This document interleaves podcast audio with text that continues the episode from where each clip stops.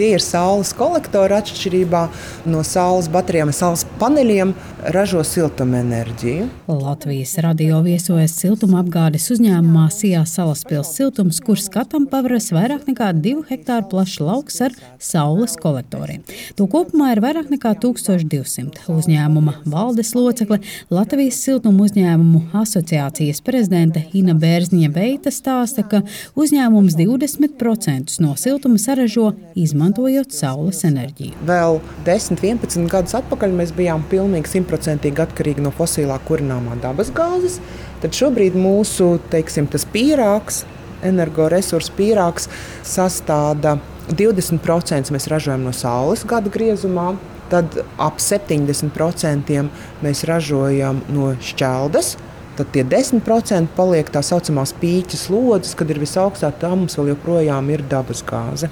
Ina Bērziņa veita skaidro, ka ir nepieciešama diversifikācija un pareizas sistēmas izmantošana. Uzņēmums seko līdzi patēriņam, lai mājokļos nebūtu siltuma zudumus. Tāpat salaspils siltums būtībā dzīvo saskaņā ar dabu un mēģina saules enerģiju pēc iespējas vairāk uzkrāt akumulācijas tvertnē. Nākamais solis, ko uzņēmums vēlas iet, ir mazināt gan šķeldas, gan gāzes izmantošanu siltuma ražošanā un siltuma apgādē, izmantojot siltumsūkni un vēja enerģiju. Tas ļautu nākotnē vēl par 5% samazināt dabas gāzes patēriņu. Atkarīgs tas ir no ziemas, cik augsta, cik mhm, barga, mm -hmm. kā, cik svārstīga viņa ir.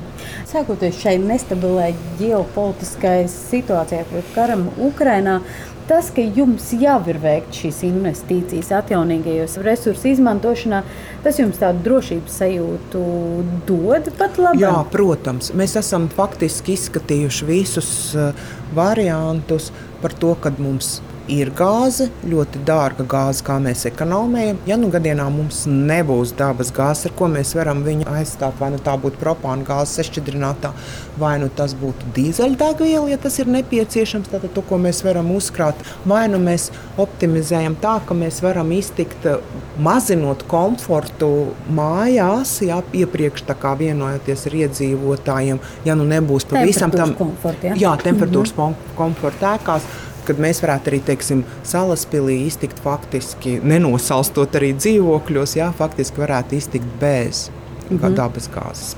Uz jautājumu, kad un vai atjaunīgie energoresursi no Latvijas kopējās energobilances varētu izspiest dabasgāzi, Latvijas siltumuzņēmumu asociācijas prezidente Ina Bērziņa Veita pauž šādi. Ja mēs runājam par centralizēto siltumu apgādi pie tādiem optimāliem un gudras rīcības vai plānu un, un investīciju piesaistes, Visoptimālākais tie varētu būt trīs gadi, nu, līdz minimumam samazināt to fosilu kurināmo. Jā. Protams, apstākļi arī to spiedīs darīt. Tas ir arī gan to, ka mēs eh, spētu izbūvēt trases uz tām blīvāk apdzīvotām teiksim, rajoniem, kur daudz stāv mājas ir pieslēgts pie kaut kādas gāzes katlamājas, tad paplašinot tīklus un plānveidīgi domājot par investīcijām. Ina Bērziņa veita stāsta, ka salaspils siltuma pieredze siltumapgādē izmantot saules enerģiju interesē nevien Latvijas siltumapgādes uzņēmumus, bet arī ārvalstu. Un pieredzes apmaiņā piesakās uzņēmumi ne tikai no kaimiņu valstīm, bet pat no Mongolijas. Salaspils siltums saules kolektoru lauks ir unikāls Baltijas līmenī un lieluma ziņā Eiropā tas ir lielākais ārpus Dānijas. Arvien vairāk un vairāk siltumapgādes uzņēmumu šādiem saules kolektoru laukiem raugās, bet ir vairāk šķēršļi. Pirmkārt, jāsakārto sistēma, jābūt lielai teritorijai, kur kolektors uzlikt un jādabū arī finansējums. Banka dod labprāt tādu veidu kredītus, bet jābūt arī savai kaut kādam ieguldījumam. Šobrīd, kad mums atvērās Eiropas programma, tad ir tas degošais variants, ka jātaisa kaut kas ļoti ātri. Un šī gadījumā tas ir vai nu granulas vai šķeldu katli. Ja godīgi, mums vēl joprojām ir Eiropas struktūra fondos, kas ir domāti atbalstam centralizētai siltumapgādei. Bezkurināmā tehnoloģijām nav izstrādāti kriteriji. Mēs vienkārši kompleksi kopā, pateicoties ekonomikas ministrijai, šo projektu izveidojām un saņēmām to atbalstu.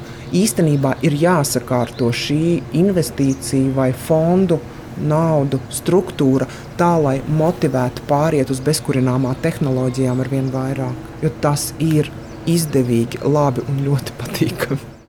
Kad droši vien es nevarētu tā uzreiz šobrīd pateikt konkrēto gadu un brīdi, kurā brīdī gāze vispār varētu pazust vai būtiski samazināties. Ekonomikas ministrijas enerģētikas departamenta vadītājs Edijs Šaicāns uzsver, ka gāzes īpatsvara samazināšanā jāstrādā vairākos virzienos.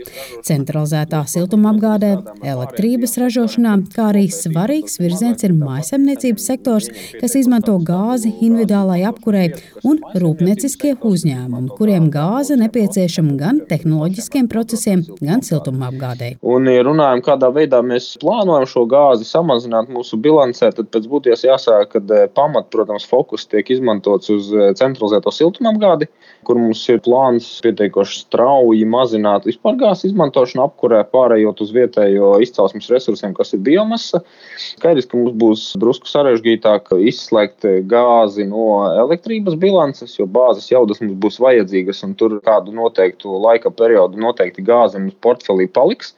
Tas, ko mēs šobrīd darām, ir visi šie atjaunāmās enerģijas projektu attīstība. Skaidrs, ka viņi kaut kādā veidā mazinās tecu nostrādi un līdz ar to arī gāzes izmantošanu elektronikas ražošanā. Šaicāns teica, ka īstermiņā gāzes patēriņa samazināšanu var veicināt ar biomasas izmantošanu, bet ilgākā termiņā ir jāpāriet uz bezemisiju tehnoloģijām. Tie ir tie paši, piemēram, zemes siltums, siltumsūkņi, saules kolektori un tādas lietas.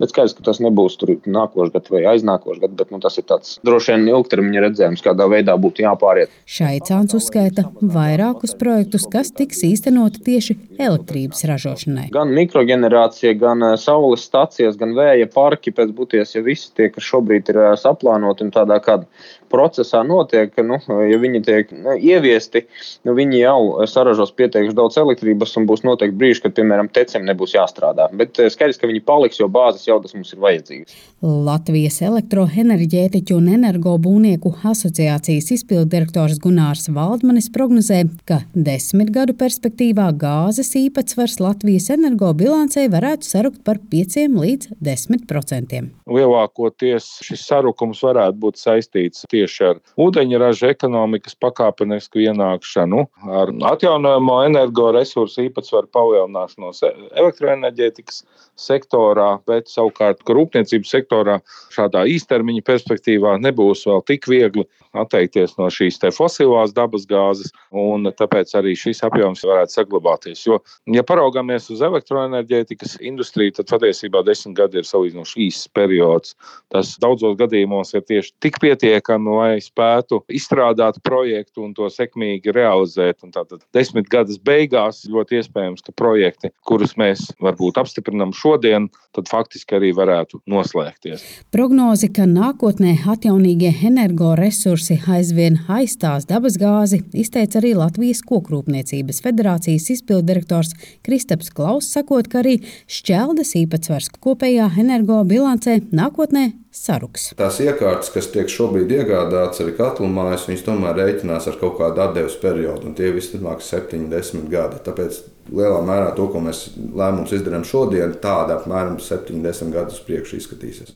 Šobrīd koks uz kurināmām nav alternatīva, bet, ja mēs tā iedomājamies šodienas situāciju, tad, ja tev ir privāta māja un tu vari atļauties investēt gan zemes siltumsūknī, gan salikt saules paneļus uz jumta, un tīpaši vēl ar valsts atbalstu to izdarīt. Tas esmu diezgan pārliecināts, ka šis siltuma iegūšanas veids ir ļoti konkurētspējīgs, ja ne pats konkurētspējīgākais no visām šodienas enerģijas cenām.